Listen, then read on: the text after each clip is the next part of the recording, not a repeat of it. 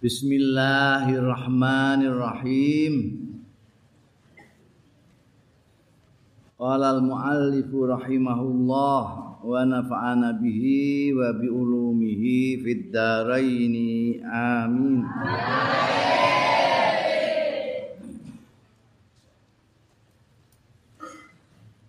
Wa mahma kharajal imam faqta'is salata wal kalam. Semongso-mongso wis metu sapa imamu imam untuk ngimami faktok mongko mutus sira as-salata sembayang. Sembayang sembayang sunat itu. Wal kalam lan omong-omongan. Terus lah apa? Wastaghil lan ketungkula sira bijawabil muadzini lawan jawabi muadzin kaya winginane kae. Allahu akbar kowe melok Allah akbar. La ilaha illallah la ilaha illallah. Entutno imam. Summa bistima'il khutbati mongko keri-keri lawan ketungkul kelawan ngrungokake khutbah. Wal itti'adhi lan mengambil pelajaran biya kawan khutbah dicermati diungokno tenanan khutbah itu isine apa? Wadak lan tinggalo sira al kalama ing ngomong-ngomongan. Raksan babar pisan. Sama sekali ndak omong belas gitu duduk aja ngomong. Fil khutbati ing dalem. Khotbahe khote pas khotbah kowe aja ngomong belas fafil khabari mongko iku ing dalem hadis utawi anna mangkola setuhune wong kala kang ngucap ya man li sahibihi maring kancane man jejerane wal imamu ale utai imam iku yaktubu lagi khutbah. Ngomongi ning gune kancane iku ansit rungokno. Khotbah wis mulai di kondo karang kancane rungokno. Ausah ausakun minar rawi rawi ini pokoknya kata-kata itu artinya diam. Tapi ragu-ragu apa ansit apa soh. Soh itu maknanya juga menengo menengo. Nek imam lagi khutbah aja ngomong amsit ausah. Fakot lago mongko sapaning wong sing ngomong ning gone kancane sedangkan imam sedang khutbah ngomong diamlah fakot lago. Mongko teman-teman logo ya man muspro. Lah nek logo piye waman lago mongko sedune wong sing logo fala jumat lahu mongko ora ana jumat iku maujud lahu kedue man aili anna kaulahu krana setuhune ucapane man ansit iku kalamun termasuk geneman Nah, kancane ngomong terus dhewe. Payam bagi mongko prayoga apa ayan ha. yen to nyegah ya wong ghairahu ing liyane wong bil isyarati kelawan isyarah ya drijimu ae desok ning ngene tutung aja ngomong mergo sing dilarang ku geneman. La bil lafzi ora nek kelawan lafaz. Neng cep sumak tadi mongko keri-keri ngetutno sira bil imami kelawan imam. Kama sabako kaya dene keterangan sing wis liwat ya ma Fa idza faraghta mongko tatkalane wis rampung sira. Wassalam talan salam sira.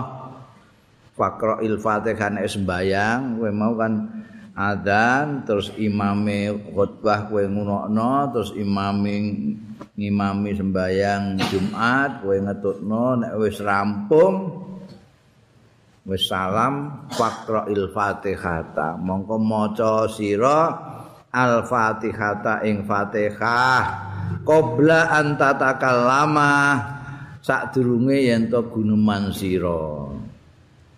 Assalamualaikum Assalamualaikum. Aja ngomong sik.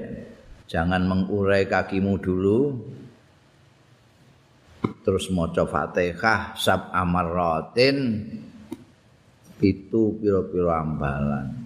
Tujuh tujuh Fatihah wal ikhlas lan surat ikhlas sab'an. Lawan itu juga pitung ambalan wal muawwidzatain lan kulhu kul a'udzu birabbil falak pitu kul a'udzu birabbin nas sab'an sab'an. Pitu pitu.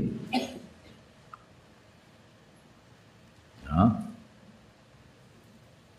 begitu selesai salam langsung aja geneman mek kanca musik langsung maca Fatihah sik ping 7 Kulhu ping pitu, kul a'udzu birabbil falak ping pitu, kul a'udzu birabbin nas ping pitu. Padhalika mongko utahe mengkono-mengkono mau nek kowe gelem maca Fatihah ping pitu terus ngantek kul a'udzu birabbin nas ping pitu mau. Ya simuka ngrekso ya zalika kain sira minal jumati saking Jumat ilal Jumatil ukhra maling Jumat liyane kamu akan dijaga sejak Jumat itu di mana kamu baca sampai Jumat yang akan datang. Dan kok nek Jumat yang akan datang kamu baca lagi sampai Jumat yang akan datang. Nek kowe terus ajek maca iku kowe terjaga terus. Meno. Wa yakunu lan ana apa dalik ana iku khirzan jagani laka marang sira minas syaitani saking setan. Kamu ndak gampang ditelukkan diganggu setan. Wa qul ba'da dzalika lan maca sira ba'da dzalika sakwise pateka sampai kul a'udzu birabbin nas pitu-pitu mau maca apa donga iki Allahumma. Ya Ghaniyu ya Hamid. Ya Mubdi'u ya Mu'id. Ya Rahimu ya Wadud. Aghnini bi halalika an haramik Wa bi ta'atika an maksiatik Wa bi fadlika amman siwak. Tanda kutip tutup. Kudungannya mulai dari Allahumma ya Ghaniyu Allahumma duh Gusti Allah Ya Ghaniyu Duh zat kang maha suke ya hamdu zat kang maha pinuci ya mubdiu duh zat ingkang miwiti ya muidu duh zat ingkang mangsulaken yang mewit hmm, mengembalikan. Ya rahimu duh zat kang maha welas ya wadudu duh zat kang maha asih aghnini ana redaksi sing ikfini ya gak padha maknane. Nyukupaken panjenengan maknane. Bi halalika kanthi halal panjenengan an haramika saking haram panjenengan. Wa bi taatika lan kelawan naati panjenengan an maksiatika saking maksiati panjenengan. Wa bi fadlika lan kelawan kanugrahan panjenengan aman siwak saking tiang siwaka kang sak lentunipun panjenengan apik donga iki. Jadi kowe bar maca Fatihah sampai kul a'udzu birabbinas pitu-pitu terus donga iki. Maknane kan apik nyuwun ning Gusti Allah sing Maha Sugih sing Maha Pinuji kapitulute nyuwun supaya kowe iku dicukupi dengan yang halal ndak usah yang haram-haram wis. Jadi dengan halal itu kamu sudah ndak perlu lain lagi simpen halal itu. Ana wong iku sing ora cukup dikeki sing halal-halal itu kurang akeh jarene. Jadi terus grauti sing haram-haram itu. Nah kowe nek ndonga iki kowe diparingi cukup hanya dengan halal. wis ora butuh sing haram-haram ngono ya kowe dicukupi taat karo Gusti Allah, ora perlu golek maksiat-maksiat barang. Kadang-kadang tergoda wong iku pengen maksiat Gusti Allah, tapi kowe nek ndonga iki kowe diparingi apa namanya kecukupan hanya untuk taat ning Gusti Allah tok, ora kepengin maksiat Gusti Allah. Nek kowe ndonga iki kowe diparingi kanugrahan dening Allah sehingga kamu tidak membutuhkan pemberian orang-orang lain siapa saja. Cukup anugerah Gusti Allah mencukupi. Luar biasa. Ana sing ngendikakno iki donga iki ya iso gancalno rezeki barang ya. Ya apa pokoke mbah gancalno rezeki mbah apa tapi maknane kan jelas bagus sekali. Bagus kan. Iki biasano nek bareng Jumatan kowe aja mingket sik, aja momongan sik, langsung maca iki sak dungane. Ha? Ana sing kandha macane ping telu, ana sing kandha ping papat. Minimal minimal kowe maca ping pisan lah. Ini kadang-kadang ana wong sing keluh kesah rezekine kok seret sak piturute jajal maca iki ya oh dicukupi ora wong kadang-kadang mergo rezekine cupet iku terus kepengin sing haram barang. Iki kok halal kok angel ngene rodok haram-haram sithik menawa kok kepenak. Lho ngono iku. Wong terus apa namanya karena gak sabar dengan kehalalan itu golek sing haram-haram. Koruptor-koruptor barang itu ngono kuwi. Enggak tidak cukup dengan yang halal wis duwe gaji barang, gajine dhuwur iku. Gajine dhuwur. Pemenang mbok bandingno mbek tukang becak ora apa-apane iki. Wong ya padha, anggota DPR mbek tukang becak mangane ra padha. Nih. Paling akeh telung piring sedina. Eh, iki padha. Apa-apane padha, nganggone padha. Kang becak semono kok cukup, ndikne semono akeh kok gak cukup. Mergo ora diparingi cukup mek Gusti Allah taala. Mulane kuwi nyuwun paringi cukup. Agni ini utawa ikfini. Niku redaksine ana loro. Aku sing entuk ijazah ikfini. Ning kene agni ini ya sembarang. maknane padha kok. Ya. Biasane nek bar Jumatan ya, aja lamcing. Lamcing ku bar salam terus pelencing layu. Nek wis bar maca kuwi aman siwak summa sholli. Mongko keri-keri salat sira ba'dal Jumati sakwise Jumat rakaataini ing rong rakaat. bar maca donga mau kowe terus salat rong rakaat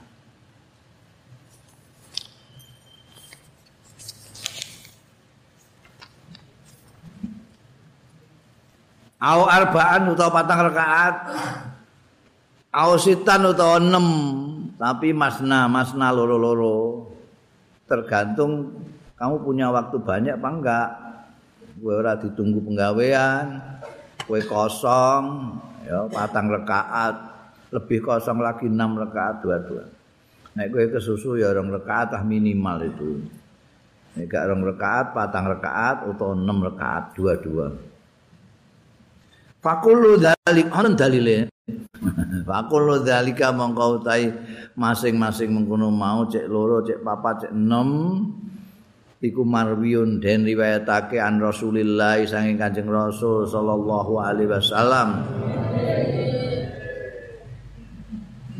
Fi ahwalin mukhtalifatin ing dalam kondisi situasi-situasi sing mukhtalifatin sing berbeda-beda kadang Kanjeng Rasul sallallahu alaihi wasallam setelah sholat Jumat itu dua rakaat kadang-kadang empat tapi dua-dua kadang-kadang enam dua-dua melihat situasinya Enek wis bar Jumatan kowe terus lha apa? Summa lazimil masjid ilal maghrib. Engko kowe netepono sira al masjid ing masjid ilal maghribi temekane maghrib kowe ning kono ae aja mulai-mulai. Oh, so kaliren kowe. Au ilal asri lesan ora tekan maghrib ya ilal asri tekan asar. Wa kun lan ana sira ana iku hasan muraqabah. Ya delok kondisimu lan kandhane kondisimu ora duwe gawean apa-apa ya tengok-tengok ae ning masjid. Nah iso sampai maghrib nek ora ya paling ora sampai asar lah. Lan ana sira iku mbagusake nginjen-injen. Li saati syarifati marang saat sing mulya. Fa inna mongko stune as-saatu syarifah iku mubhamatun mubham tidak konkret gak jelas apa saiki pongko apa pas nalika Jumatan mau apa sak durunge khotbah munggah mau apa sakwise khotbah apa nalika khatib ning gone mimbar apa khatib wis mulai arep ngimami apa gak jelas apa bar sembayang iki mau rong rakaat iku gak jelas mubhama. Mulane kowe njen-njen terus ae sing bagus iki. Meneng sedelok ama masuk donga meneh ndelok supaya ngepasi nek kira-kira pas saat yang mulia itu saat yang mustajab donga itu. Ya. Fa innaha mubhamatun fi jami'il yaum.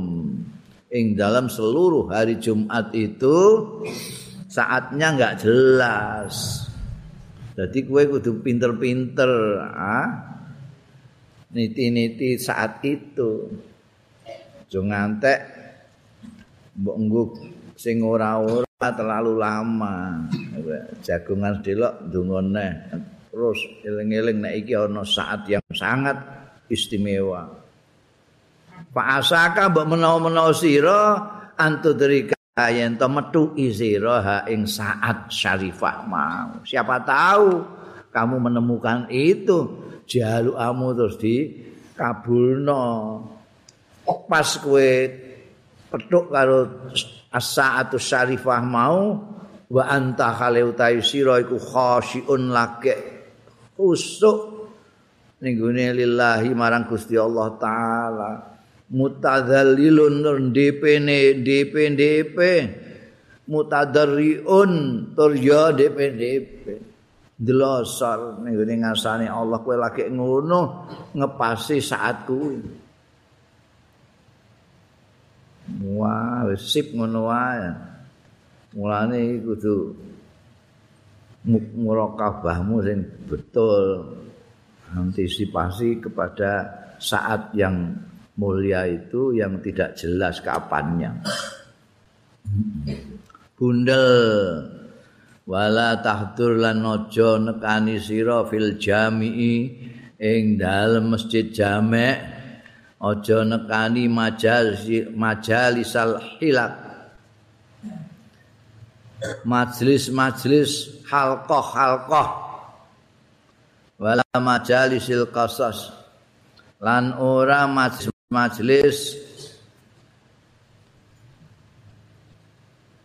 sing cerita, cerita-cerita ning gone masjid iku kowe nek engko ning gone Mekah apa ning Madinah terutama itu ana kriungan-kriungan ini halqah-halqah ana saya kiai ini ustate terus dikilungi wong. Ini macam-macam isine. Ana sing isine mau cerita-cerita tok tapi cerita-cerita yang mengandung hikmah misalnya itu ana jadi sini mau cerita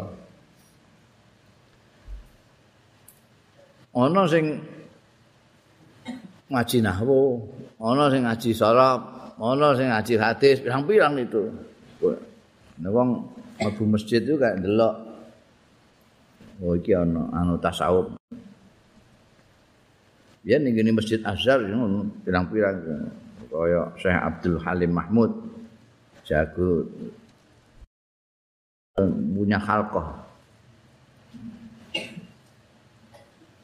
nah halkoh nanti Syekh Ghazali As-Saghir itu mulang tentang istimaiyah. Ono Nah, kowe iki didhawuhi karo Imam Ghazali, ning jame iku aja terus jujuk nekani majlis-majlis halqah-halqah itu. Bukan cerita-cerita. Lah terus pundi wong kathah.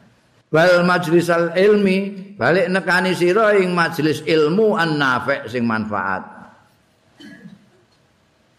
Mbok delok kok ana majlis sing apa jenenge ning kono dibahas ilmu yang manfaat nah kowe nek arep linggih ning kono Mulane kowe mau gak dikandani? Kowe tengok-tengok ning masjid nek iso ngantek maghrib minimal ngantek asar. Muga ning kono kowe iso mbek ngaji. Biyen ana apa? Masaikhul Haram itu maksudnya biyen kiai-kiai syekh-syekh itu mulangi ning gone Masjidil Haram. Singko Indonesia itu banyak itu. Syekh Ahmad Khatib Al Minangkabawi itu ya mulangi ning masjid. Syekh Nawawi Al Bantani juga ning kono. Syekh Mahfud At-Turmas At-Turmusi saka Termas yang ning ngaji kono. Syekh Muhaimin Al-Lasmi juga ning kono. Akeh. kita punya banyak ulama-ulama yang dulu mempunyai majlisul ilmu nafi' di sana itu. Salah satu murid dari misalnya murid Syekh Ahmad Khatib Al-Minangkabawi di Masjidil Haram itu Hadratus Syekh Syim Asy'ari. Kiai Ahmad Dahlan pendiri Muhammadiyah. Nah, itu Syekh Khalil Al-Bangkalani, Bangkalan itu. Syekh Yasin Al-Fadani, ke Padang. Wakeh kita. Ono Al-Bugisi, ono Al-Kudusi dari Kudus, Syekh Abdul Qadir, bukan Kudusi Kudus kono iku, Palestina Kudus kene iki, Andi Epati. Iku nek majlis ngilmu silahkan kamu datang di situ. majlis ngilmu sing manfaat. Ngilmu sing manfaat iku sing sepundi to? Napa mboten sedaya ngilmu manfaat? Bahwa utai ilmu nafi iku alladzi yazidu. Iku sing nambahi ya ladzi fi khaufika ing dalem wedira minallahi saing Gusti Allah taala. Wayang kusumin ruhbatika lan ngurangi ya ladzi min ruhbatika saking demenira fid dunya ing dalem donya ngilmu sing manfaat iku sing dadekno kowe tambah wedi karo Gusti Allah tambah kurang eh kepencutmu ning gone donya ning gone mata materi duniawi kowe nek apa jenenge nekani majelis TV. Wah. Tambah nemen kepinginanmu ning gone donya iku. Golek majelis ilmu sing manfaat untuk nyaingi TV itu. TV nawan-nawani donya, kowe ngaji manfaat supaya ora pati ketarik ambekan. Iming-imingane TV soal donya itu diiming-imingi apa ae kowe. Eh? pokoke dunya kabeh niku. Mingi mulai sabun rai ngantek sabun kelek. Eh? Masya Allah, biyen santri ku sikatan paling nganggo deriji ngono ae, nganggo bataden. Boto dideplok. Rodok modern terus nganggo sepet. Modern meneh terus nganggo sikat biasa. saiki sudah ditawani terus sampean kapital-kapitalis itu. Supaya ndekne mayokno iku sikat digawe macam-macam, sikat lekuk dua, sikat lekuk tiga, sikat yang bisa mencari gudal sendiri.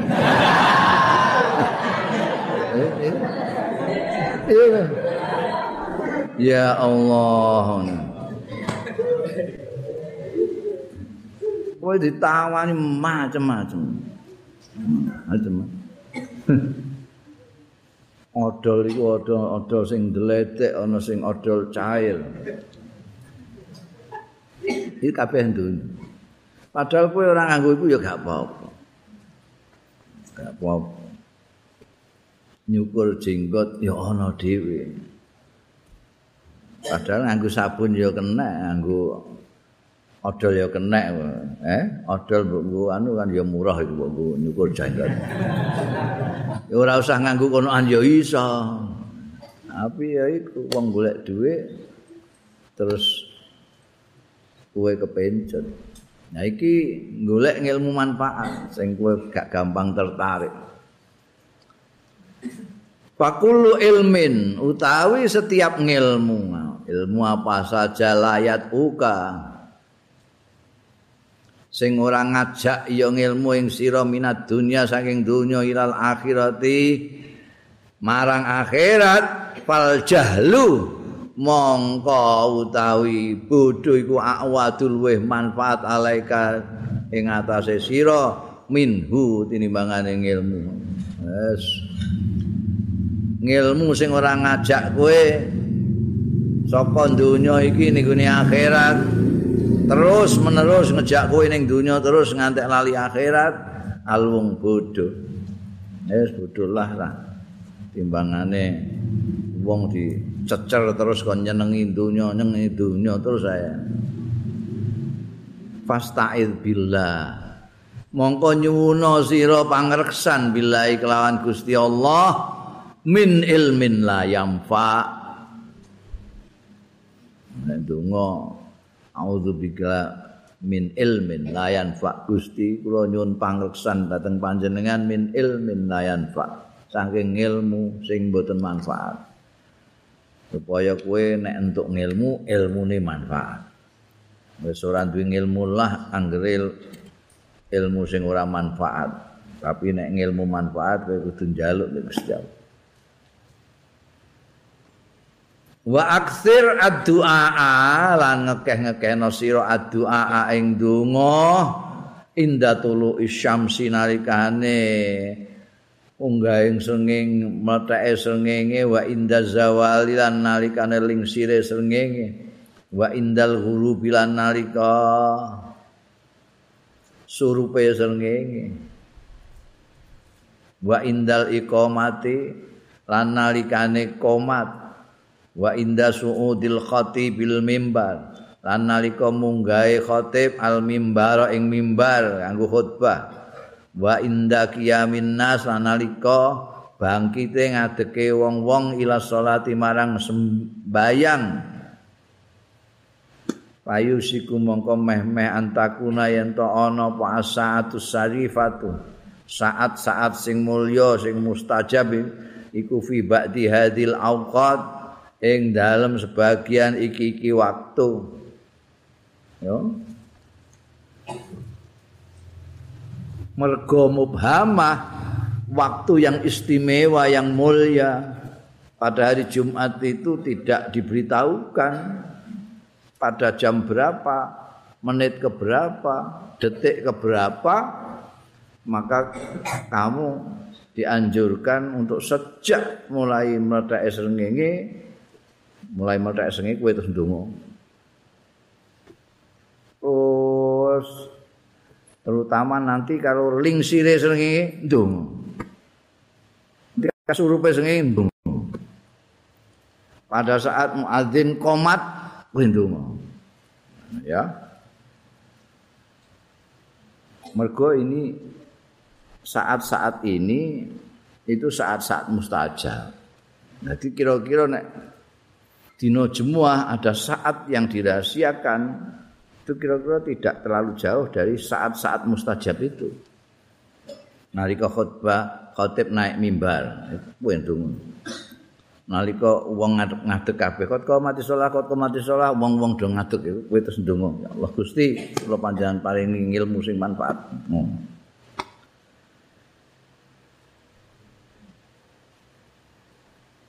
Siapa tahu ayu siku antakuna saat sarifah fi ba'di hadhil auqat siapa tahu ngepasi saat yang sarifah itu. Donga sing mandi itu aku wis tau ngomong donga sing mandi itu atau sing donga sing mandi atau saatnya yang mandi atau tempatnya yang mandi sing donga sing mandi iku ning dia itu endonga kapan saja donga mandi. Sapa iku? Wong sing resik atine ora duwe srei ora duwe dengki ora duwe benci ora duwe kibir sombong ora duwe angkuh ora duwe suudhonan ora wis pokoke resik lah wong sing resik iku ndonga ning diae mati ana sing panggonan kaya wengko nek ngaji utawa umrah ning Masjidil Haram, ning Multazam, ning Makam Ibrahim, ning Mas'a. Ana sing waktune. Iki sing ngendikane sing waktu-waktu sing ngendikane. Pas lengsere, sengenge, pas surupe, pas komat, pas khotib munggah mimbar, pas wong-wong padha ngadeg arep sembahyang. Wajtahid lan berusaha keraslah sira wajtahid lan berjuang sira antata saddaqa fi hadzal yaum. Yen to sedekah sira fi hadzal yaum ing dalem iki dina bima kelawan barang takdiru sing mampu sira alaihi ing atase ma. Wa ing kolalan ngajan kidik ya. Dina Jumat kuwi selain iku mau donga-donga lan sak piturute berusaha kamu sedapat mungkin kamu sedekah meskipun sedikit. Piro ae lah kowe pamane duwe duwe 10.000 mbok sedekahno 1000 iku wis berapa persennya itu hmm? kowe duwe duwe 10.000 kuwi jane sekolah matematika buka. Kowe duwe dhuwit 10.000, mbok sedekahno 1.000. Itu berapa berapa persen itu? 10 persen. Itu akeh. Jadi rasa sewu 500 ngono 5 persen. Ya, ngungkuli bayarane maklar. Nolak. Mergo sedekah itu infak itu tidak dilihat jumlahnya. Tapi presentasinya dari pemilikanmu. Kowe duwe dhuwit 10.000 kok sedekah 1000 wakil 10% itu. Ngungkuli aku, duitku jutaan. Mau sedekah 10.000, 20.000. mau bilang gak ana sak persen. Ngono ya. Lah iki usahno nek dina Jumat khusus dina Jumat itu kowe usahno sedekah senajan sedikit. Tak mampu lah di golek wong sing kira-kira pantes mbok sedekahi tur pantes mbok sedekahi semono iku. Ngono ana wong sing mbok gawe 1000 terus mencep ngono. Nah, kan sedekah 1000 bangun. Iki untuk rokok saler. Wa ingqalla. Dadi fatajma'u mongko dadi kumpulno sira baina sholati antarane salat wasaumilan poso wasodaqati lan sedekah wal qiraati lan maca Quran, maca Quran iku wingi kae surat Kahfi barang kae surat Yasin. Wa dzikri lan dzikir, wal iktikaf lan iktikaf. Wal ribati lan ngenteni salat. Ribat itu ngenteni salat ba'da salat. Wae salat maghrib ngenteni isya itu ribat. Niku wah komplit kowe dadi setiap Jumat kamu itu sudah investasi akhirat dengan segala macam anjuran Imam Ghazali tadi mulai isu-isuan moro ning masjid, atus, segala macam lah salat, selawat ning ngene Kanjeng Rasul sallallahu alaihi wasallam. Poso nek kemise kowe poso utawa sabtune poso, ya. Terus sedekah lengkap. Ana pasane, ana salate, ana sedekahe Allah. Itu kamu investasi besar Nah hari-hari liyane sing 6 dina kowe ora lapo-lapo kok pentingno iku Jumat. Waj'alan dadekno sira hadzal yauma ing iki dina, dina Jumat iki dadekno min minal usbu'i saking sak minggu. Kok dadekno khosatan ingkang istimewa li akhiratika lho ya, kanggo akhiratmu. pitung dina kowe ndek pitung dina si dina ae masa ora kober kowe. Jadikan satu hari ini Jumat ini dari tujuh hari itu untuk hari khusus akhiratmu. Wah top fa'asahu mongko mbok menawa-menawa. Mengkono mau ndadekno dina Jumat sebagai khusus akhirat.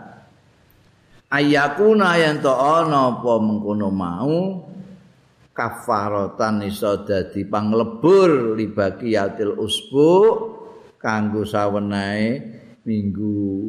Dadi nek duwe kekurangan-kekurangan, kecingkrangan-kecingkrangan, kekhilafan-kekhilafan pada hari-hari Setu, Minggu, Ahad, Senin, Selasa, Rebu, Kamis bisa mbok tambeli dengan lakumu ngamalmu pada saat hari Jumat itu tadi yang seperti tadi.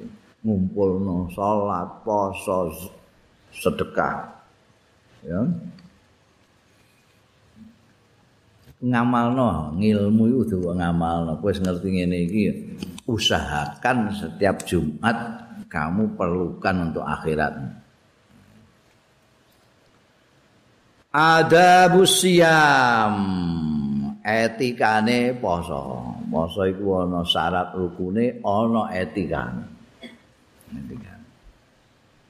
Adabus siyami utahi tata kramane poso. Layam bagi ora prayoga apa antak tasira ala saumi syahri Ramadan. Aja nyukupake sira ala saumi Ramadan ing ngatasé poso bulan Ramadan tok. Nek kowe mau membatasi diri hanya poso Ramadan tok, fatatul tijarah mongko ninggal sira atijarata ing perdaganganmu binawafili kelawan kesunatan-kesunatan. wa kasbat darajatil aliyah lan golek derajat-derajat sing luhur. Fil faradisi ing dalem swarga-swarga firdaus patata hasar mongko patata hasar mongko menyesal sira ida nazarta tatkalane ningali sira ila manazil saimin. Maring kedudukan-kedudukane wong-wong sing poso. Kamatan duru ilal kawaki bidurriyah. Kaya kaya ento ningali sira ilal kawaki bidurriyah. Maling bintang-bintang ujora. Wahum ale utawi asaimi ila a'la iliyin. Ning gone sak dhuwur-dhuwure swarga iliyin.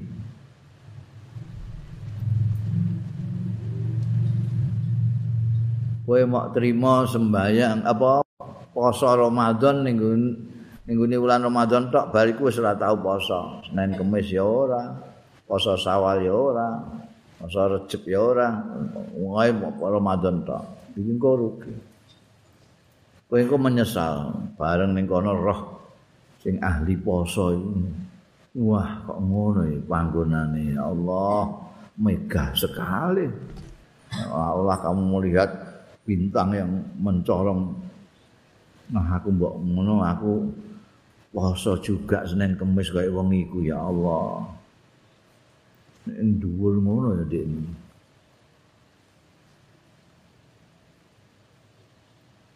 Wal ayyamul fadilah lan dina-dina tawi dina-dina sing utama alati syahidat sing nyekseni apa al baru hadis-hadis bisyarafiyah kelawan mulyane lati wa fadliha lan keutamaane lati. Wa bijazalati thawabi lan kelawan agunge ganjarane fi siyamiha ing dalem masane lati. Iku yaum arafah dina-dina sing utama kanggo mbok pasani sesuai persaksiane hadis-hadis banyak iku pertama yaum arafah dina arafah. Ketika orang-orang haji pada ngumpul di arafah itu di tanggal songo Dzulhijjah. Apik poso. Tapi li ghairil hajj liyane sing haji sing haji ora sunat poso. Kowe sing ora haji iku dianjurno untuk poso yaum arafah.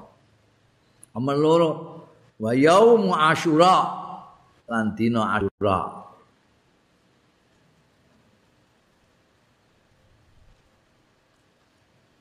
wal asrul awal lan 10 hari yang pertama min dzil hijjah saking dzil hijjah wal asrul awal lan 10 yang pertama fil minal muharram saking bulan muharram. Wa rajab lan rajab wa sya'ban lan sya'ban wa saumul asyuril hurum lan poso bulan-bulan sing suci minal fadhaili wa saumul asyuril hurumi iku minal fadhaili termasuk keutamaan-keutamaan apa saja bulan-bulan mulia bulan-bulan suci itu wahya utai saum asyuril hurum iku Dzulqa'dati, bulan Dzulqa'dah. Dzulqa'dah iku apa ya? Selo. Sawal Dzulqa'dah. Wa Dzulhijjati lan Dzulhijjah besar. Wal Muharram lan Muharram suro, wa Rajab lan Rajab. Wahid fardun wa salah satu sardun. Satu diwian wa salah satu sing telu sardun berurut-urut sing ber, sing satu sendirian iku Rajab. Tak durungi ana bulan suci sakwise gak ada yang berturut-turut yaitu tiga Dzulqa'dah, Dzulhijjah, Muharram. Iku sing sardu. Wahadi utawi iki iku fisanati ing dalem setahun. Jadi setahun itu poso iku pada bulan-bulan yang suci itu. wa amma fi syahri ana dine sing utama nggo poso iku fa awwalus syahri kawitane bulan. Kawitane bulan kowe poso wa ausatuhu lan pertengahane bulan syahr tanggal 14 wa 15 wa akhiruhu lan akhire bulan. Sebulan tiga kali poso bagus eh, awal tengah embek akhir. Wal ayyamul bid. Wal ayyamul bid lan hari-hari putih. Iki tanggal telulas tanggal 14 tanggal 15 artinya hari-hari padang itu. Wayai bulan purnama wahya utai ayyamul bid itu asalis asyara ke-13 wal rabi asyara ke-14 wal khamis asyara lan ke-15 setiap bulannya itu kamu poso pada hari tiga hari itu bagus. Iku sing sebulan. Tadi ada yang setahunan, ada yang bulanan. Wa amma fil usbu ana dene ing dalem minggu fayaumul isnaini wal khamis wal jumat. Mongko iku dina Senin, Kamis karo Jumat apike. Patu kafiru mongko iso iso nebusi iso ngafarati iya poso telung dina mau zunu bal usbu'i ing dosa-dosa seminggu bisa umil usnaini kan poso senen wal khamisilan kemis wal jumati lan jumat. Wa tukaffiru dzunub syahri lan iso ngafarati nglebur ngambeli dzunub syahri ing dosa-dosane sebulan bil yaumil awal minas syahri kelawan poso minggune hari pertama minas syahri saking bulan itu wal yaumil awsati lan hari pertengahan dari bulan itu wal yaumil akhiri lan dina akhir bulan itu wal ayyamul bid lan hari-hari putih yang mau tanggal 13, 14, 15 mau. Watu kafiru lan nglebur poso-poso iki dunu basanati ing dosa-dosa setahun bisyami hadil ayyam kelawan masani iki dina wal asyuri lan bulan-bulan al madhkurati sing ditutup. Nek kabeh mau mbok lakoni ya dosamu setahun iso kelebur kabeh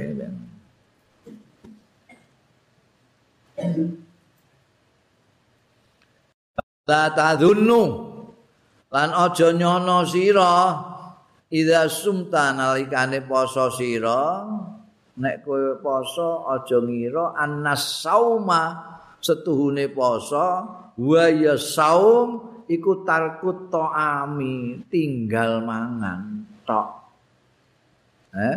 Aja ngira nek poso kuwi mok tinggal mangan wasyara bilan omben-omben wal wiqailan sanggama faqat kalibloko. Bukan itu tok.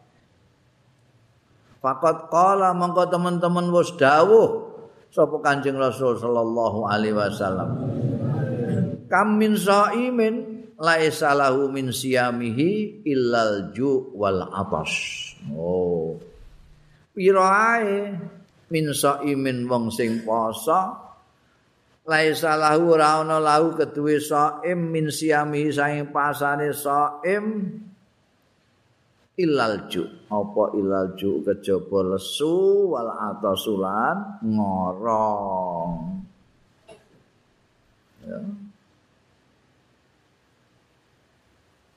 nek poso kuwi namung tinggal mangan lan ngombe tok ora ana dawuhe Kanjeng Rasul ngene iki akeh wong sing poso mok entuk lesu ambek entuk ngorong gak entuk ganjarane poso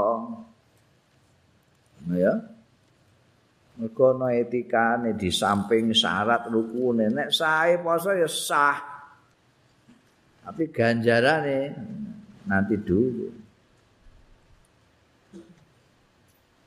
Bal tamamu saumi balik sempurnane poso iku bikafil jawarihi kelawan nahan ngeker gauto gauto kuliha sekabiane jawarih amma yakrahu saking barang sing ora demen sapa Allah Gusti Allah taala.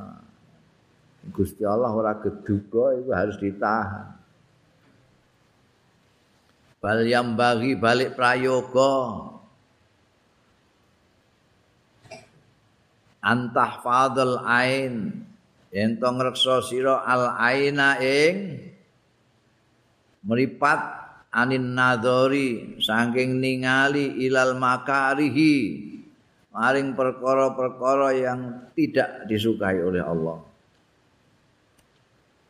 Walisan, walisana lan yento njaga lisan anin nutki saking guneman bima layak nika lawan barang sing ora maedhai ya maing sira.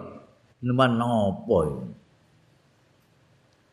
wal udhuna lan ngreksa kuping anil istima'i saking ngrungokake ilama maring barang haramahu sing ngaramake sapa Allah ing ma.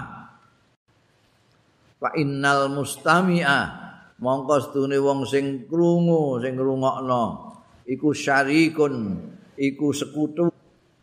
Utawi mustami' iku ahadul muhtabin salah seorang sing rasan-rasan. Dadi kuwe menengae iku dosa.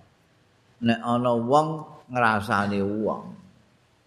Tapi lunga. Nek kowe wani ya kandha aja ngrasani. Nek kowe meneng ae ngrungokno apa meneh kok menikmati. Wah. Itu kowe syarikun lil qail. Yang ngomong saja bukan dia tok yang dosa. Kowe melok. Jadi bukan hanya syahwatnya perut, syahwatnya mata, syahwatnya kelamin yang harus dijaga kalau poso itu. Semua enggak utuh. Mata dijaga, kaya ora jelalatan delok sing ora-ora. Kuping dijaga, jangan sampai mendengarkan sesuatu yang enggak benar. Termasuk wong rasan-rasan, termasuk wong sumpah serapah, termasuk wong lagi memfitnah orang. Rasa ngrungokno. Eh, wa kadzalika lan semono uga takufu. Nahan sira jami al jawarihi. Ing sekabehane gauta gauta kama takufu kaya dene nahan sira al batna ing weteng wal farjalan kemaluan. Fafil khobari mongko iku kesebut ana ing swijining hadis, kesebut ana ing hadis utawi dawuh khamsun ana limang perkara iku yuftirna batalna ya khamsun asaima ing poso wong sing poso. Ada lima. Lima hal yang membuat poso itu badal.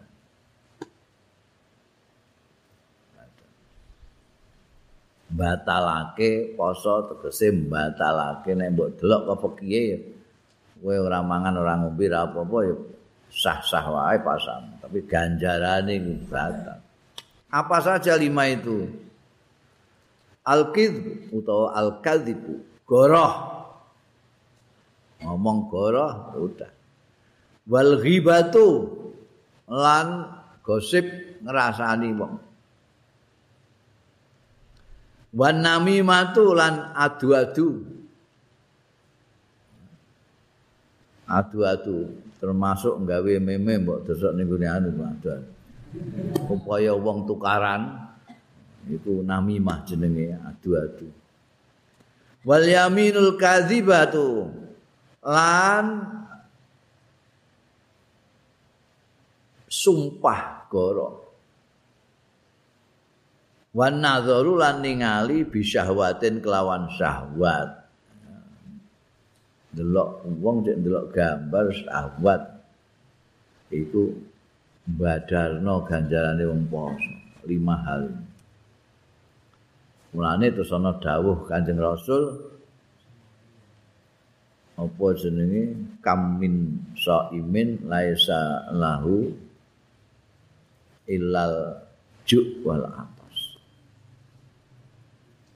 Wa qala lan dawuh sapa Kanjeng Rasul sallallahu alaihi wasallam Innamas saumu junnah. Sak temene poso iku junnatun merupakan tameng. Sing jaga dirimu itu junnah tameng Fa idza kana ahadukum mongko tetkalane ana sapa ahadukum salah siji ro kabeh ana iku so iman poso palayar pus. Mongko aja geneman elek.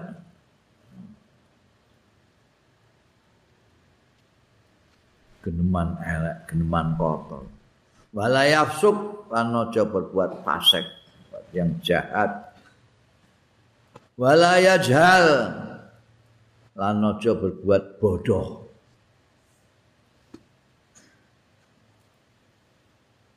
Mulai jadi jangan berbuat seperti perbuatannya orang-orang yang bodoh. Nah, koyok cuawak, eh, membuli itu perbuatan orang bodoh itu. Layat Fa inam ruun Fa in wa inim ruun lamun dari seseorang. Qatalahu nukari merangi ya mruun hu ing saim ahadukum hu ing ahadukum. Au satamahu utawa misoi sapa umruun hu ing ahadukum. Fal yakul mongko ngucap sira ini saim ya aku poso kowe dibuli wong ning gone Facebook jawab aku poso. itu aja mbok ladeni, ladeni gak barbar. Ndikne seneng. Wong buli itu kayak wong melempar batu ke dalam sumur. Sing dikepingini wong sing buli iku ngrungokno plung iku lho. Sing dikepingini plung. Nek untana belum. Jadi kue di ejek-ejek, dipisoi, di segala macam itu, sing dikepingini, di ini kerungu jawaban. Mulane kue dadi sumur sing jeru banget. Dadi ini kecewa kok gak plung-plung ngono. Kue dibuli njalno ae. Ini kekelen dhewe dik. Hmm, tak kono barang kok gawe neh dik itu mambah jahat meneh. Wah jirut, aduh, jalno ae. Ini kepengen ngono plung iki Karena kamu sumur yang dalam, dia kecewa. Karena ndak krungu-krungu. ya. Nek kowe pengen jawab ya iku ini saimun aku poso. Sumat jitahid mongko keri-keri berusahalah sira antuf tira ala ta'amin halal. We berusaha keras untuk buka ning ala amin halal panganan sing halal. Tur bala tas taktir aja amrih akeh kok kaya balas dendam sedina gak mangan terus sak wakul mbok entekno. Eh ngopo ae mbok pangani ku abeh aja ngekeh-ngekeh. Fatazidu mongko nambahi sira alamak takuluhu kulalailatin ing atase barang sing biasane mangan sira ing ma kulalailatin ing setiap malam. Kowe mangan malam biasane piro piro sak piring. Iku ngantek telung piring kowe dendam apa piye? Fala farqa idza taufaita ma ta'tat. Mongko ora ana bedane ras taufaita tekalane memenuhi sira maing barang tak tatu. Sing ngulinakno sira biasakno sira antak kulahu yen to mangan sira ing ma daf'ataini fi daf'atin wahidah dua tahap dadekno fi daf'atin wahidatin ing dalem satu tahap. Padahal wa innamal maksudu. Angin maksud angin pestine maksude bisyami kelawan poso iku kasro sahwatika. Inamal maksud bisya iku kasru sahwatika. Iku memecahkan syahwatmu mengalahkan syahwatmu biar kue terbiasa bisa mengekang keinginan-keinginanmu. Nek kue terus buat kasru sahwatika wa tadaifu kuwatika lan meningkatkan nikelake kekuatan ira litakwa supaya kuat sira biya kelawan. Iki mau kuwatumu iki kekuatanmu alat takwa ing atase takwa jadi kutiba alaikum usyam amma kutiba ala ladina min ta'allakum tattaqun. Kowe iso takwa iku kowe poso mangan diperkecil supaya keinginanmu syahwatmu iso terkurangi kekuatanmu jadi berlipat terus kamu tambah kuat untuk takwa.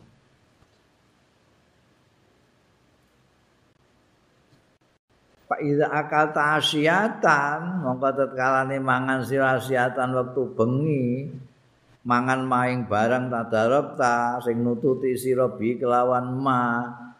Fatakap ma ing barang fataka sing ngepoti ing sira dahwatan ing dalem wektu awan. Pala faidata mongko ora ana faedah iku maujud fi saumika ing dalem poso ira. Eh? Nek kowe terus maksudku mangan bengi iku kanggo nambeli pakanan apa? Ora manganmu di awan mau ya. La apa poso bareng Waqat sakulat alaika ma'iddatuka di samping itu nek kowe mangan kakean terus kabotan. Waqat sakulat. Dan teman-teman abot alaika yang ngatas sira apa ma'iddatuka wetengmu. Mangan ngadeg gak iso ngadeg iku wa ma bi'aun abghadu ilallah. Ra ana wadah abghadu ingkang luwih di dukani luwih dibentu ilallah marang Gusti Allah taala min batnin. Tinimbangane saking weteng maliin sing kebak min halale saking halal wadah sing paling ora disenengi Gusti Allah iku ora ana sing ngumpuli kaya wadah sing jenenge weteng yen dienggo madai webek pakanan-pakanan sing halal. Pakai fa idza muli amin haramin. Monggo kali kepriye idza muli atet kalane dikebeki ya batnun min haramin saking haram. Sing halal ae nek kekebeken weteng kuwi. Iku ora disenengi wek Gusti Allah. Apa meneh kok kok haram. Faida araf ta makna saum mongko tetkalane ngerti sira makna sauming maknane poso. Pas taksir mongko ngekeh-ngekehno sira minhu saking poso mas tatok ta sak mampu ira. Ya dapat mungkin kamu banyak-banyak puasa. Senin Kemis poso Syawal tak piturute fa innahu asasul ibadah. Mongko setuhune poso. Iku asasul ibadati. Itu pondasine ibadah-ibadah. Wa miftahul kurubati. Lan kuncine kurubat. Marek-marek ning gone Gusti Allah kuncine poso. Kala dawuh sapa Rasulullah sallallahu alaihi wasallam. Anjing Rasul ngendika kala Allah taala iki hadis qudsi Lho Kanjeng Nabi Muhammad sallallahu alaihi wasallam dawuhake dawuhe Gusti Allah.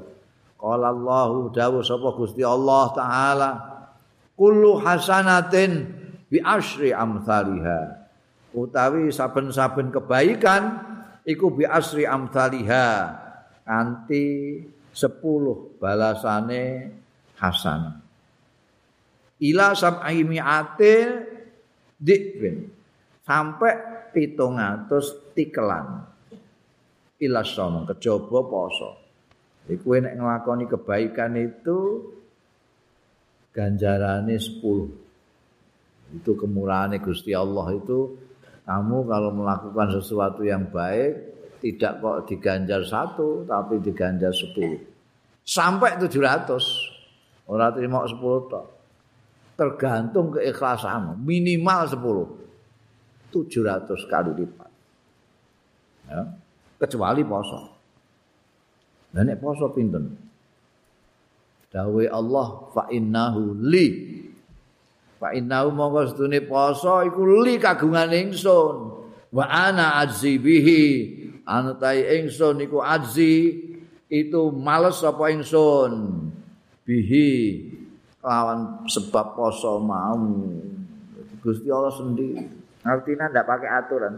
Aturane sing baku wong sing ngamal apik iku diganjar 10 sampai dengan 700 lipat. Tapi nek poso di luar itu. Nah Allah sendiri yang akan membalasnya. Gusti Allah sing balas ya Masya Allah balas sendiri. Tidak pakai aturan gitu. Allah sak kersane sing punya ganjaran Gusti Allah. Wa qala lan dawuh sapa Kanjeng Rasul sallallahu alaihi wasallam. Walladzi nafsi biadihi demi zat kang utawi jiwa ingsun iku biadi ana ing astane lati. La khulufu famis saimi. Yakti utawi gandane ababe cangkeme wong sing poso Cangkeme wong sing poso iku atiabu luweh wangi ndallahi munggu ing Gusti Allah taala min rihil miski timbangane gandane misik. Misik itu di apa populer sebagai parfum yang paling wangi misik itu. Terutama anggone wong Arab-Arab itu misik itu kesturi. Wong sing mulutnya nganggur lama itu kan bau. Kita menganggap baunya rai-rai, wabab apa ya abab Masya Allah. Bermangan tikus apa gitu. Tapi nek mungguing Gusti Allah, ababe wong sing poso iku lebih wangi daripada misik. Yaqulu dawuh sapa Allah Gusti Allah azza min qail. Azza min qail moho menang ya Allah min qail kare ngendika min niku min zaidah ya. Dawe innama yadharu syahwatahu wa ta'amahu wa syarabahu min ajli angin pestine ninggal. Iya kawulaku sing poso. Ninggalake syahwatahu ing syahwate. Awal kawulaku sing poso. Saim wa ta'amahu lan pakanane saim wasara baulan umben-umbenane sae min ajli krana ingsun. Pas saumu mongko utahi poso iku li kagungane ingsun wa ana utahi ingsun. Dhewe ajsi sing males bihi kelawan saum. Oh ngono ya. An wong poso itu kan hampir tidak ada wong poso pamer kan gak on. Wong poso itu rata-rata pancen krana Gusti Allah taala. Min ajlillah. Kowe meh pamer apa cek nek poso piye caramu pamer? Lho nek salat kan iso pamer, wacanane diapung, eh? Biasane kulhu baina taina terus maca sabihis. Kadang-kadang malah surat Al-Qur'an tengah-tengah iku. Iso ngono kuwi mbok pamer-pamer ngono-ngono. Nek poso cek kowe pamer piye Apa ida itu ngono. Malah diarani cacingan kowe. Jadi ra iso. Poso iku gak kena mbok pamer. Lah nek kowe pamer ya rugi wong iso su ngorong kok pamer, gak untuk ganjaran.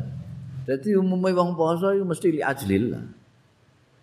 Nah, poso iku mulane Gusti Allah dhewe ora nganggo aturan iku mau aturan baku nek ngamal apik 10 sampai 700 mau. Khusus Gusti Allah memberikan pahala sendiri. Kau umumnya wong poso itu ora ono. Pamrih liyane Gusti Allah kau. Kecuali sing bocah-bocah cilik sing di bang-bang karo wong tuane. Poso dong ya. Nek ngantek dhuwur 1000. Ngantek asar 2000, ngantek maghrib 3000, Jong. Iku mungkin bocah iku Tapi nek sing tua-tua ora, ora duwe pamrih liyane kecuali ganjarane Gusti Allah. Wa qala lan dawuh sapa Kanjeng Rasul sallallahu alaihi wasallam. Lil jannati iku keduwe babun utawi lawang layak khulu sing ora mlebu ing bab la babun lawang yukalu sing diucapake lahu sing dijenengi lahu keduwe bab apa arroyan ana lawang swarga sing jenenge arroyan layat khuluhu ora mlebu ing rayan sapa illa saimun kejaba wong-wong sing poso. Dadi ana lawang satu, lawange swarga tulisane ar-rayan, lawang ar-rayan. Gak iso sing mlebu kecuali orang-orang yang poso. Fahadha mongkau tai bundel titik gedi fahadha mongkau tai iki al-qadru ukuran min syarhi taati saking nyarai ketaatan-ketaatan ning Gusti Allah. Ya cukuplah sekian ini yakfi ka nyukupi hadzal qadar ka ing sira min bidayatil hidayati saking kawitane hidayah. Cukup pikiran. Faidah tajta mongko tetkalane butuhno sira ila zakati. Niku nembe dugi poso, salat lan poso, zakate dereng Mbah.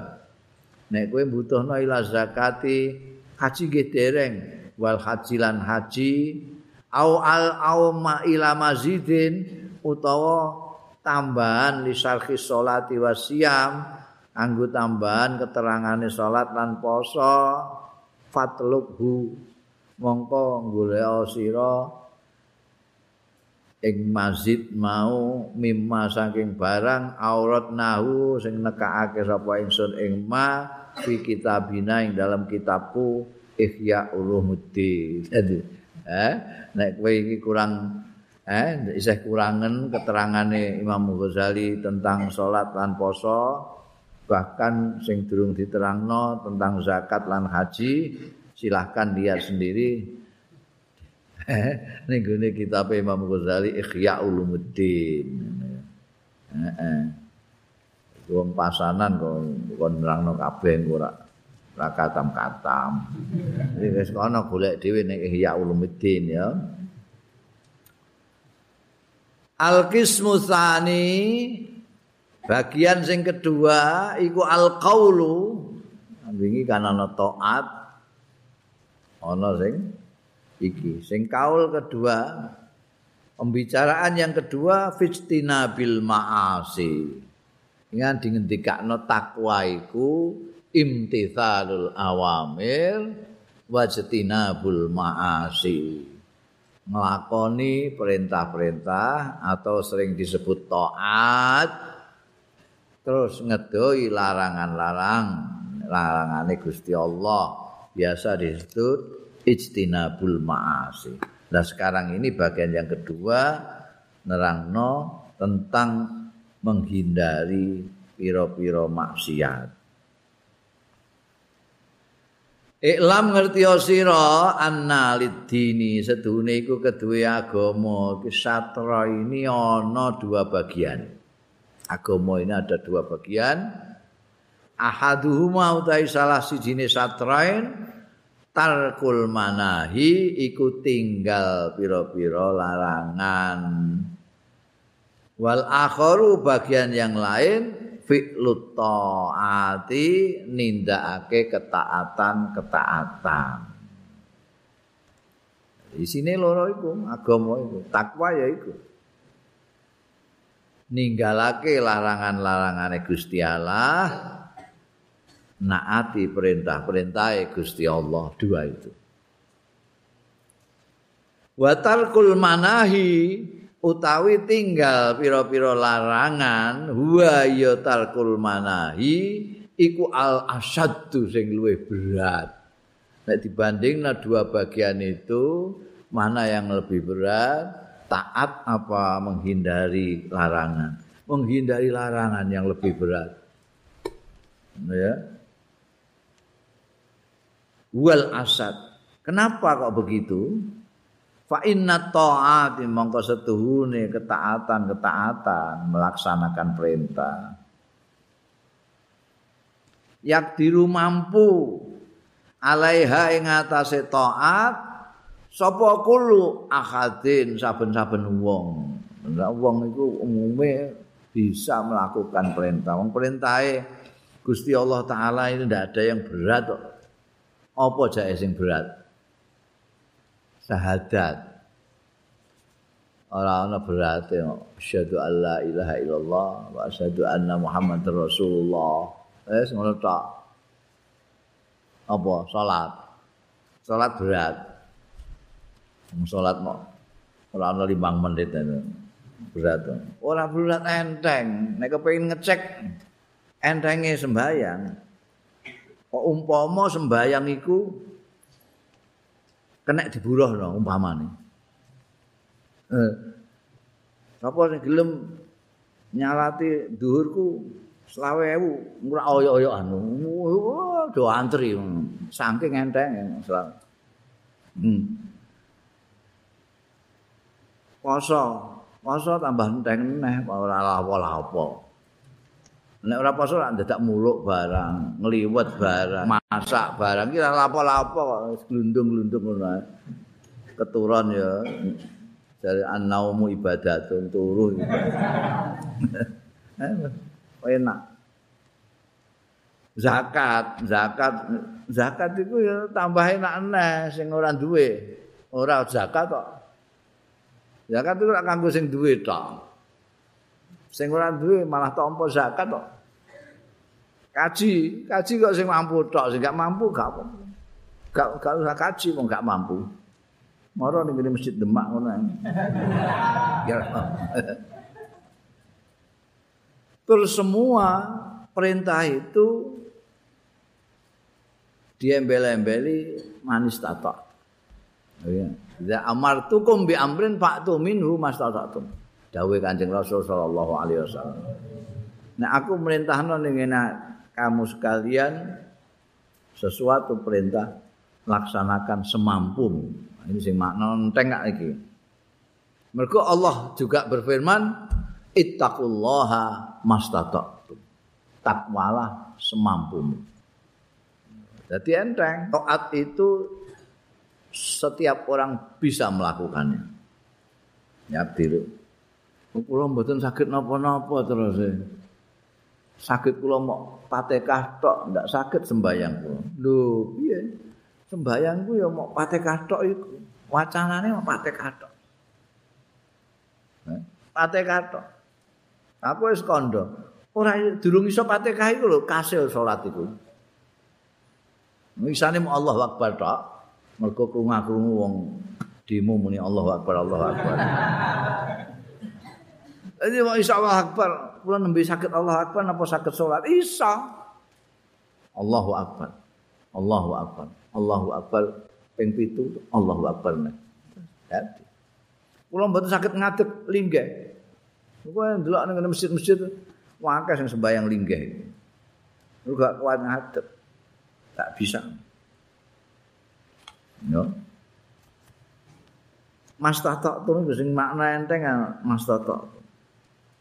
Jadi setiap orang mampu melaksanakan apa yang diperintahkan oleh Tuhan. Apa neh goleki lah perintah-perintah agama. Ora ora ana sing abot, ora ana sing abot. Nek ana sing abot kandha karo aku. Kadang-kadang wong itu rumangsane berat. Mergo ora paham. Ana sing ora salat mergo diarani berat salat iku. Kaji rumangsane berat. Ngantek manasek pirang-pirang dino. Kaji itu paling gampang meneh malah timbangane salat gampang kaji. Salat apa kaji iku mau ngubengi Ka'bah wer-wer-wer ping 7. Terus riwariwi Sofa Marwa. Ke sofa? Riwa ning gone marwah riwi ning gone balik ning sopan riwa riwi. Sa'i niku mok riwa riwi. Wukuf itu sendiri yang menjadi inti daripada haji al haju arafah iku tengok-tengok.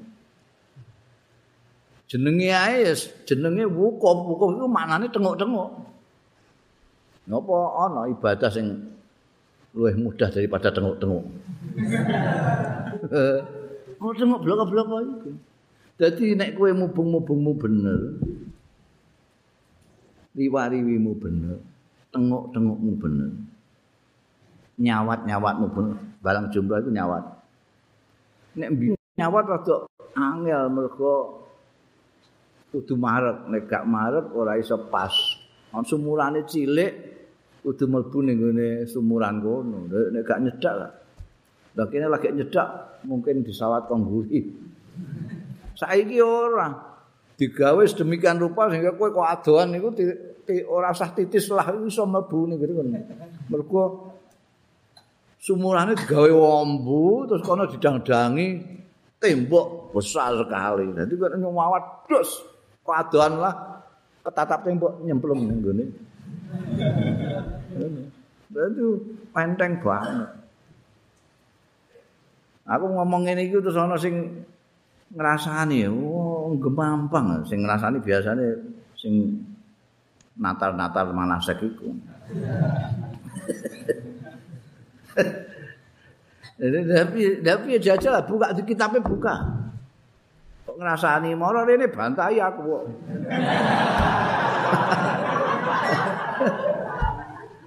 Wong kaji itu ibadah amalia.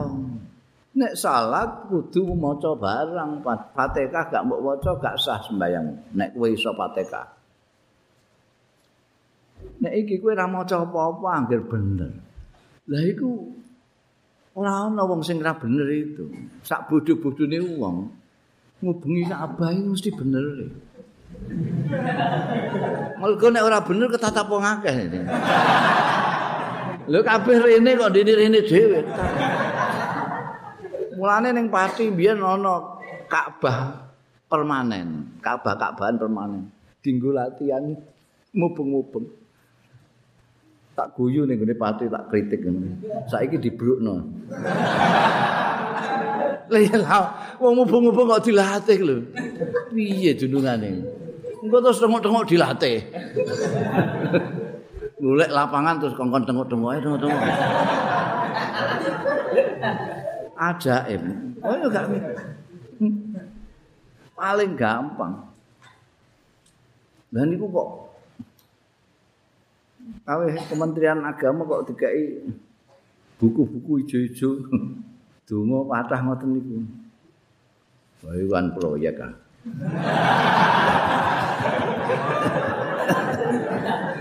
kowe ndonga ndonga sak donga-dongamu ya ora apa-apa wong iku sing penting kowe senajan dongamu mumbluk murah tapi kowe sak enakmu dhewe tok mubeng.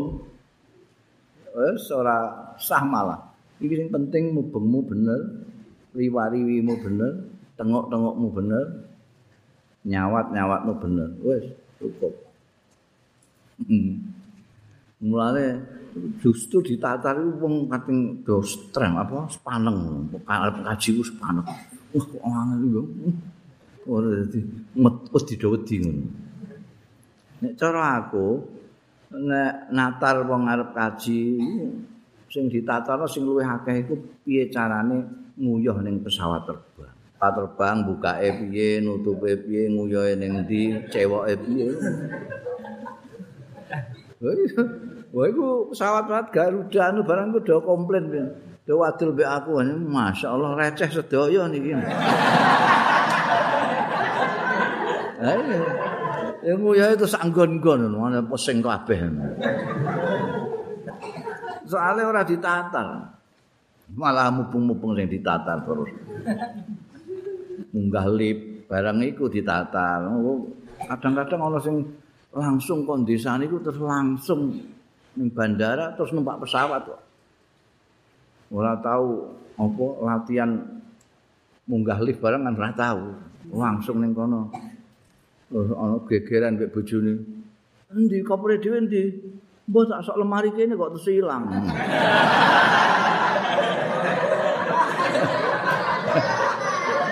Mangsane lemari yo ya digawa munggah mau lemari.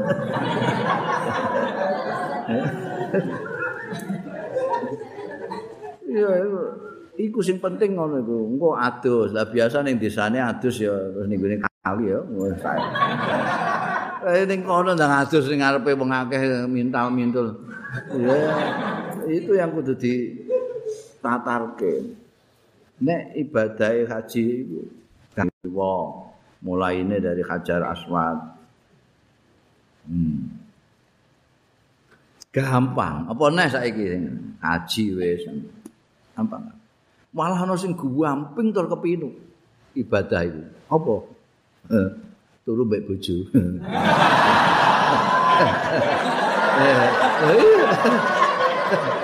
Lah iku ngibadah. Ya kulo akaden ya iso. Anggir wong iso. Sing abot iku tarkul manahi. Mulane ning kene dikandakno tarkul manahi wal asad. Sebab fa inna ta'at yaqdiru 'alaiha kullu ahadin wa tarku syahawat wa inna ta'ati wa tarkas syahawat. Lan setuhune tinggal. Syahwat-syahwat iku layak diru mampu alaihi. Ing atase tarkus syahwat sapa illa siddiqun. Kejaba wong sing bener-bener pancen imane. Berat. Falidzalika krana ara iki kala dawuh sapa Rasulullah Kanjeng Rasul sallallahu alaihi wasallam al muhajiru man hajara su wal mujahidu man jahada hawa. Al muhajiru wong sing jenenge muhajir ya ora trimo apa Mekah Madinah tok. Muhajir iku man hajara wong sing ninggalake ya man asu ing all. Kowe nek ninggalake perkara-perkara sing Allah sing dilarang agama kowe jenenge muhajir. Wal mujahidu tai pejuang. Iku ora kok sing perang melawan anu tok. Iku man jahada hawahu. Jenenge mujahid iku man jahada wong sing berjuang melawan hawahu hawa nafsune man. Berat dan jogo apa melawan hawa nafsu itu berat sekali. Berat. Wa lam lan ngerti sira innaka sak temene sira. Innama taksi angin pestine ndurakani sira Allah ing Gusti Allah. Kowe kok maksiat mbek Gusti Allah iku? Bijawarihika kelawan gauta gautamu mbah nganggo mripat sikil tangan pokoke gauta gautamu padahal bahaya ale utawi jawari huka gauta gau pamu iku nikmatun iku kenikmatan minallah saing Gusti Allah alaika ing atase sira. Wa amanatun lan merupakan amanat ladai kauna sandingira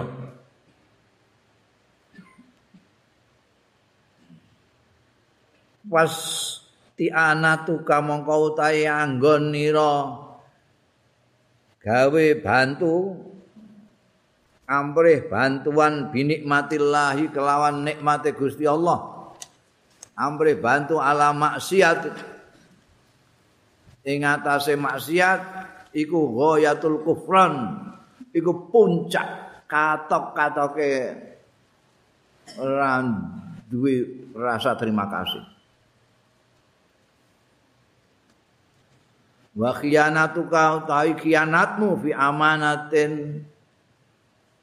Ing dalem amanat istaudaka hal sing nitipake ka ing sira ha ing amanah sapa Allah taala Gusti Allah taala iku ghayatut tughyan. Iku katok-katoke lacut jahat sing nemen tenan. Kowe nek maksiat iku duraka karo Gusti Allah iku sing mbok duraka nggaut-nggautamu meripat dilarang jelalatan kowe jelalatan. Tangan mestine dinggo sing apik-apik mbok nggo sing ora-ora. Mbok nggo nabok wong mbok nggo gawe hoak. Iku paringane Gusti Allah. Sikil paringi sikil kowe mlaku ning gone panggonan-panggonan sing ora genah. Pokoke kabeh. Padahal enggak utuh semua itu nikmat paringane Gusti Allah taala.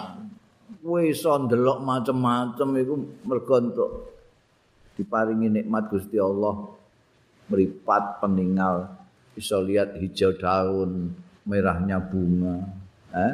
birunya langit sampai turut kenikmatan diparingi gauto-gauto itu di samping kenikmatan dari Allah Ta'ala itu merupakan amanat dari Gusti Allah Ta'ala. Diamanat lah nek terus mbok nggo maksiat mbok nggo nglawan Gusti Allah iku kan jenenge kowe iki betul-betul gak jelas tenan. Banget anggonmu ora duwe terima kasih dikai apik-apik kok malah mbok nggo nglawan sing paring ku piye dikai amanat embek sing paring sing nitipake amanat kok mbok cedrani ora mbok nggo sing sak mestine iku betul-betul kowe iku banget lacute.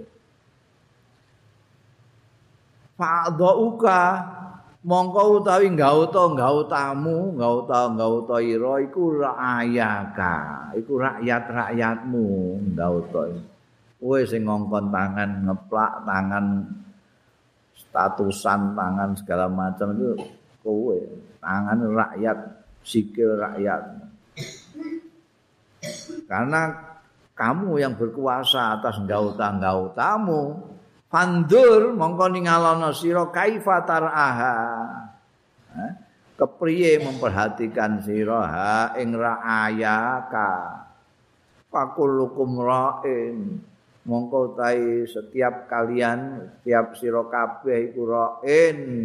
Itu orang yang penggembala wa kullukum mutai saben-saben sira kabeh iku mas'ulun iku dimintai pertanggungjawaban an rakyati saking gembalahane kulurae.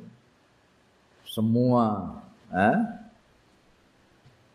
pemimpin itu bertanggung jawab nanti akan dimintai pertanggungjawaban atas kepemimpinannya.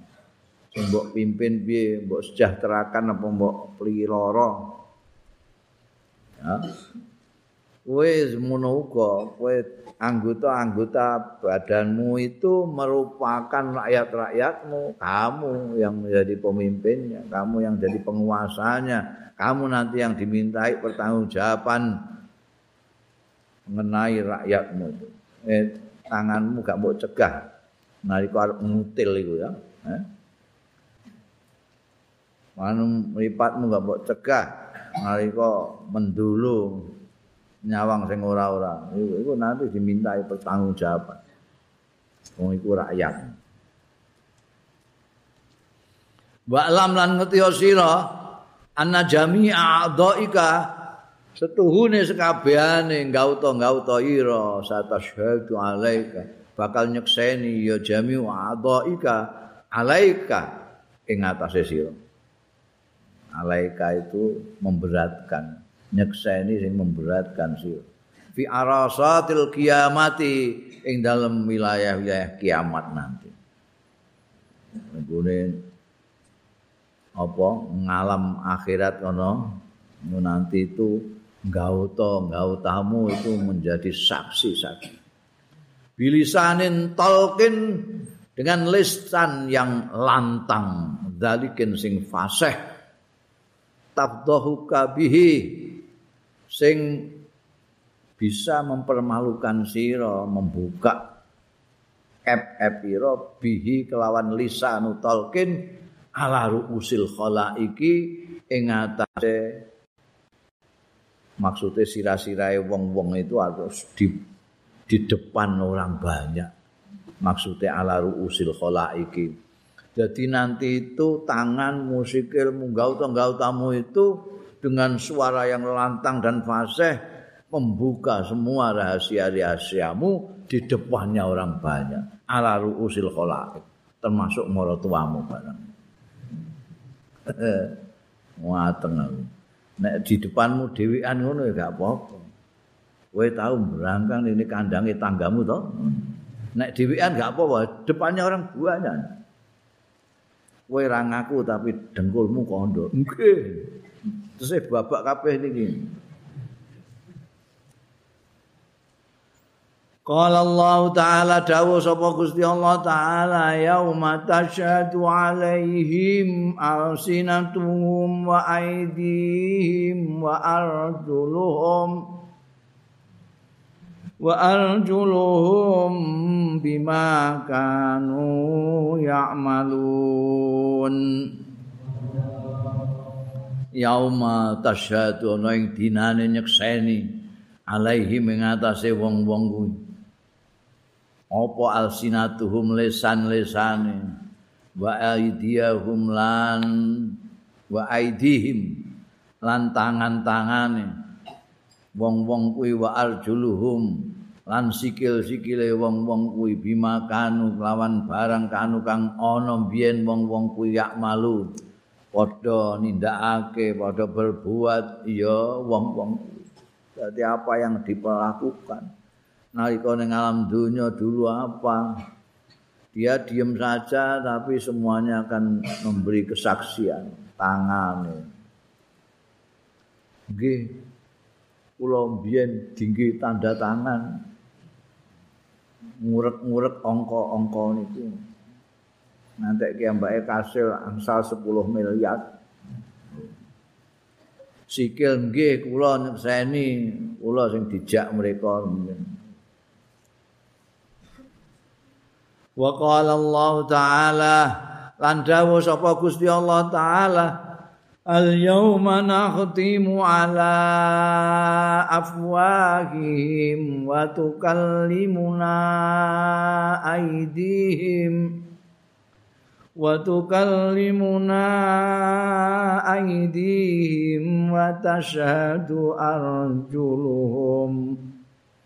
wa tashhadu arjuluhum bima kanu yaksibun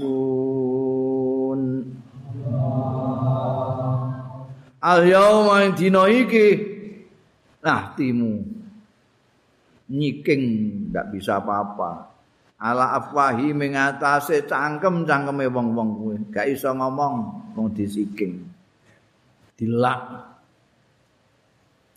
Lah sing ngomong batu kalimuna. An matur ing panjenengan ingsun apa aidihim tangan-tangane wong-wong iku. Wa tasyadu lan nyekseni apa arjuluhum sikil-sikile wong-wong kuwi. Bima kelawan barang kanu kang ana wong-wong kuwi ku yaksibun padha gawe kabeh. Gawe apa tangane sikile sing do ngaku. mulane fahfat mongko ngreksa sira ya miskin. Wahai orang malang ngreksa jami abadanika.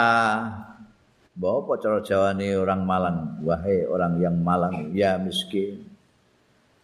Orang yang malang itu karena banyak godaan urip kok ning alam dunya iki. Kan malang sekali. Godaan untuk berbuat buruk itu banyak sekali. Tambah suwe sing mempengaruhi kebaikan itu makarek sithik. Sing mempengaruhi elek itu banyak sekali. Malang sekali kamu. Faktat ya miskin ngrekso jami abadanika ing sekabehane badanmu minal maasi saking pira-pira maksiat. Wa khususan a'dha kasabah khususe gauta-gauta ira sing pitu. Badanmu rekson aja ngantek berbuat duraka ning gone Gusti Allah ning gone pangeranmu terutama nggawa tamu sing tuju fa inna jahannam mongko stuhune neraka jahannam. Laha iku keduwe neraka jahannam sab'atu abwabin. Utawi pitu pira-pira lawang. Likuli babin iku keduwe masing-masing lawang minhum saking abwa juz'un maksumun. Ana bagian maksumun sing wis dibagi terus piye wala Hah? Wae kuwi plungkal-plungkal tok. Ka ana tintane wis entek iki. Wala ya ta'ayyan. Iya. Wala ya ta'ayyan lan ora tertentu, ora tertentu nilitil kal abab kedue mengkono-mengkono lawang-lawang mau ilaman asa kejaba wong sing duraka ya man durakani Allah taala ing Gusti Allah taala. Bihadil a'dha'i sab'ati. Kelawan iki pira-pira gauta asab'ati sing pitu. Jadi lawang-lawang itu khusus. Hanya untuk mereka yang durakani Gusti Allah dengan gauta-gautanya yang tujuh. Apa saja gauta itu? Wahya utawi al-a'dha usab'ah iku al-ainu meripat. Meripat wal udhunu lan kuping. Wal lisanu lan lisan. Wal batnu lan weteng. Wal farjulan kemaluan. Wal yadulan tangan. Wal rijlulan sikil. Pitu ini nah. sediani lawang-lawang ini jahanam hati-hati kowe dikai pitu kenikmatan dening Allah taala tapi bisa juga menyebabkan cilaka amal ain ana dene meripat. Fa innaka khul fa inna manging pestine khuliqat. Dititahno ya ain laka kanggo sira pritah tadia supaya golek pituduh sira biya kelawan ain fidzulumati ing dalam kegelapan kegelapan.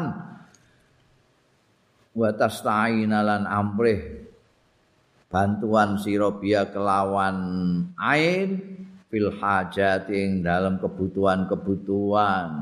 Wa tandura lan ningali sira biya kelawan ain ila aja ibi malakutil ardi was samawat maring keajaiban keajaibane perjajahan perjajahan bumi lan langit-langit wa tak tabira an amrih pelajaran sira bima kelawan barang fiha kang tetep ing dalem malukut malakutil ardi was samawat jelase ayat-ayat tondo-tondo bukti keagungane kekuasaane Gusti Allah taala. Hmm? Nomor siji gautamu meripat. Meripat ini dititahno Gusti Allah sebagai kenikmatan kanggo awakmu supaya iso mbok nggo ningali nek peteng-peteng mripatmu iso ngandani hati-hati lho iku saka-saka Oh iku iku jogangan-jogangan Pak. Ya. Iso mbok nggo golek ana kajatmu apa tah apa kowe kowe ning pasar kepenak roh dalane umiyang ning segara kowe ora kejegur mergo roh endi sing segara sing sing kisik mergo mripatmu kuwi Kau bisa melihat keajaiban-keajaiban langit bumi yang luar biasa. Bintang bintang, ulan, tak piturute. Eh? Makhluk-makhluk yang hidup di udara sampai di bawah permukaan bumi segala macam. Wah, segala macam kamu bisa lihat semua. Maraknya bunga-bunga, tumbuh-tumbuhan, gunung yang menjulang segala macam kamu bisa saksikan semua itu dan kamu bisa mengambil pelajaran dari sana alangkah hebatnya Gusti Allah, kuasanya Gusti Allah menciptakan gunung setinggi itu, menciptakan laut yang seluas itu, menciptakan bunga yang seindah itu, menciptakan suara-suara burung yang semerdu itu, bisa ngambil pelajaran dari semua itu. Mulane fahfad. Mongko jaga sira ing ain, mripatmu jaga an arba'in. Saking papat. Awas dengan empat ini, meripatmu itu harus jaga sing awas an arba'in saking papat. Apa ae papat iku sing harus kamu jaga meripatmu kuwi? Pertama, jaga antandura biha yen to ningali sira biha kanthi ain ila ghairi mahramin maring sing liyane mahrammu ora mahrammu mbok pendeliki ngantekan meripatmu mondol ngono kuwi. harus buat joko, wah itu tuh mahram, rem. Au ila suratin malihatin, utawa gambar sing manis. Wah, gambarnya siapa sing manis itu? Sowang sawang terus, template nol di kamar, mesa mesem. Delok YouTube, surah malihah. Wala bisyahwatin aja ningali bisyahwatin kelawan syahwat bisyahwatin nafsin kelawan syahwatin nafsu Au tandura utawa ningali sira biha kelawan ain ila muslimin marang wong Islam bi ainil ikhtiqar kelawan pandangan merendahkan. Wis mbok jaga, jangan sampai kamu lihat orang sesama orang muslim mbok delok dengan berpicing mata. Kaya-kaya orang itu rendah sekali. Begitu kamu melihat orang bahwa kamu lebih tinggi dari dia. Dan itu kesombongan. Dia harus jogo, meripat itu jogo.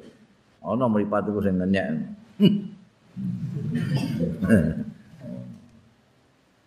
Au tatallu en biha ila aibi muslimin utawa nggo golek-goleki biha kelawan ain mau ala aibi muslimin ing atase cacate wong Islam. Mbok nggo mandang secara ngenyek merendahkan orang juga jangan mbok nggo goleki epe wong apa meneh. Penggawean kok goleki cacate wong salahe wong kula apa. Mbok kuntit kaya mata-mata kaya intelijen golek iya. Lah tenan to ngono. Mbok andar-andar nambah wong, mbok potret barang ngono. Itu piye meripat mbok ngono kuwi. Tataluk biya ala aibi muslim. Kaya-kaya kowe ranti app dhewe. Iku meripat. Jogo dari itu. Wa amal udhun. Ana dene kuping fahfadhu. Fahfadha mongko ngreksa sira ing udzun an antusgia saking yen to ngrungokno sira ngrungokno dengan tenanan itu isra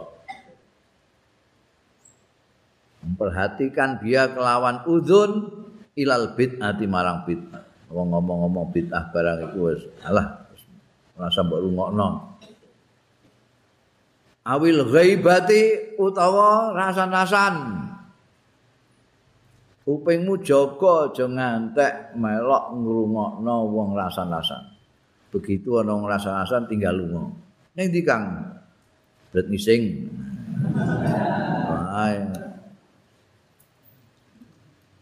jangan sampai kamu ikut nungokno. Awil fuhsh utawa mong kotor. Ana wong ngomong kumprah-kumprah barang ngono iku rasa mbok lunga kowe malah sumeneng uyang guyu terus kowe mbok saingi. Mbok critane sing luwih kotor meneh. Awil khaut utawa nyemplung fil bil batil dalam kebatilan sesuatu yang tidak ada gunanya ngobrol kanca ngrungokno wong ngobrol ngrungokno wong gedobos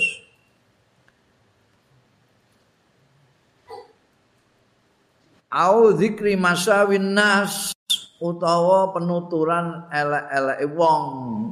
Kowe rasah melok ngrungokno. Nek ana wong ngelek-ngelek wong ora usah melok wong. Saiki iku kuping diwakili karo mripat. Mergo ngelek-ngelek wong ning status ning WA Jadi ku ya ngono kowe kudu jaga mripat. Begitu ada kowe di-share eh status sing elek-elek wong langsung busek ora iki makna dosa ngono ora kok malah kok bagi neh ning ngene wong liya-liyane ya. Lu wonten tulisane harap disebar luaskan. Ngoten. Ya iku setan sing ngelak-ngelak wong kok nyebar itu gak setan naon. Kowe harus tegas buang. Nek perlu dikirimi WA wong jangan lagi mengirimkan sesuatu yang membuka app-nya orang lain app kita sendiri masih banyak. Jangan membicarakan lagi di WA saya ini. Nek ora tak buak kamu. Fa innama khuliqat lakalitasma kupingmu kuwi dititahake Gusti Allah. Laka kanggo sira litasma biha supaya ngrungokno sira biha kelawan udun kupingmu mau ngrungokno kalam Allah ing dawuh Gusti Allah taala wa sunnata Rasulillah lan sunnah Kanjeng Rasul sallallahu alaihi wasallam wa hikmata auliyaihi lan hikmah kebijaksanaane wali-waline Allah. Iku gunane kuping kok ngrungokno dawuh-dawuh Gusti Allah? Sunnah-sunnahe Kanjeng Rasul sallallahu alaihi wasallam. Dawuh-dawuh hikmahe para kekasih-kekasih Gusti Allah. Wa tatawassal lan amrih sampai sira bistifadatil ilmi biha kelawan amrih faedah ngilmu biha kelawan udun ilal mulkil muki maring kerajaan sing tetep wan naimud daim lan kenikmatan yang abadi fi jiwari rabbil alamin ing dalem sandinge ngarsane pangerane alam kabeh. Dadi kowe diparingi telinga untuk mendengarkan dawuh-dawuh Allah, sunnah Rasulullah, hikmah aulia Allah dan untuk mencari ilmu di mana ilmu kamu mencari ilmu membutuhkan telinga. Untuk apa cari ilmu? Supaya mengantarkan kamu di surga, di kerajaanmu yang tetap tidak akan goyah ke mana permanen. Kenikmatan yang abadi di sisi Tuhan Rabbil Alamin. Fa idza asghaita biya ila sayin minal makarih sara makana laka alaika. Wong itu diciptakan Allah untuk kamu untuk yang bagus-bagus seperti itu. fa idza asghaita mongko tatkalane ngrungokno sira biha kanthi udhun kupingmu mau ila sain maring suwiji-wiji minal makari saing perkara-perkara sing ora disenengi ambekan Gusti Allah ambek agama sara mongko dadi apa ma barang kana kang ana ya ma ana iku laka menguntungkan sira dadi alaika dan merugikan sira. Nek ora mbok gunakan untuk tadi itu malah mbok gunakan kanggo sesuatu yang digedingi karo agama ya berbalik mestine kuping itu bisa membantu kamu menguntungkan kamu malah merugikan kamu. Wang kolabalan berbalik apa ma barang kana kang ana ya ma iku sababu kana ana ya ma ana iku sababa fauzika. Sebab bejo berbalik menjadi sabab halakika dadi sebab kehancuranmu. Naudzubillah wa hadza utawi iki iku ghayatul khusran iku katok-katoke kerugian. Wala tadzunna lan aja nyono sira annal isma setuhune dosa iku yahtasu khusus mok bihi kelawan ism sapa alqail wong sing ngomong dunal mustami ora nek sing ngrungokno. Mangsane nek gosip nek rasan-rasan iku sing ngrungokno ra dosa ngono. Masane dosa mok sing geneman tok sing ngrungokno ora. Fafil khabari mongko setune iku ing dalem fa'in fafil khabari mongko iku ing dalem suwijining hadis. Annal mustami'a setuhune wong sing ngrungokno iku syarikul qail iku kancane sekutune wong sing ngomong. Wa huwa utawi mustame iku ahadul muhtabain atau ahadul muhtabin. Salah satunya orang-orang sing rasan-rasan. Rasan itu anggotane loro sing ngomong ngelek-ngelek ngrasani sing sitoke sing rungokno Jadi dua-duanya. Wa amal lisan wa amal lisan wallahu a'lam bissawab.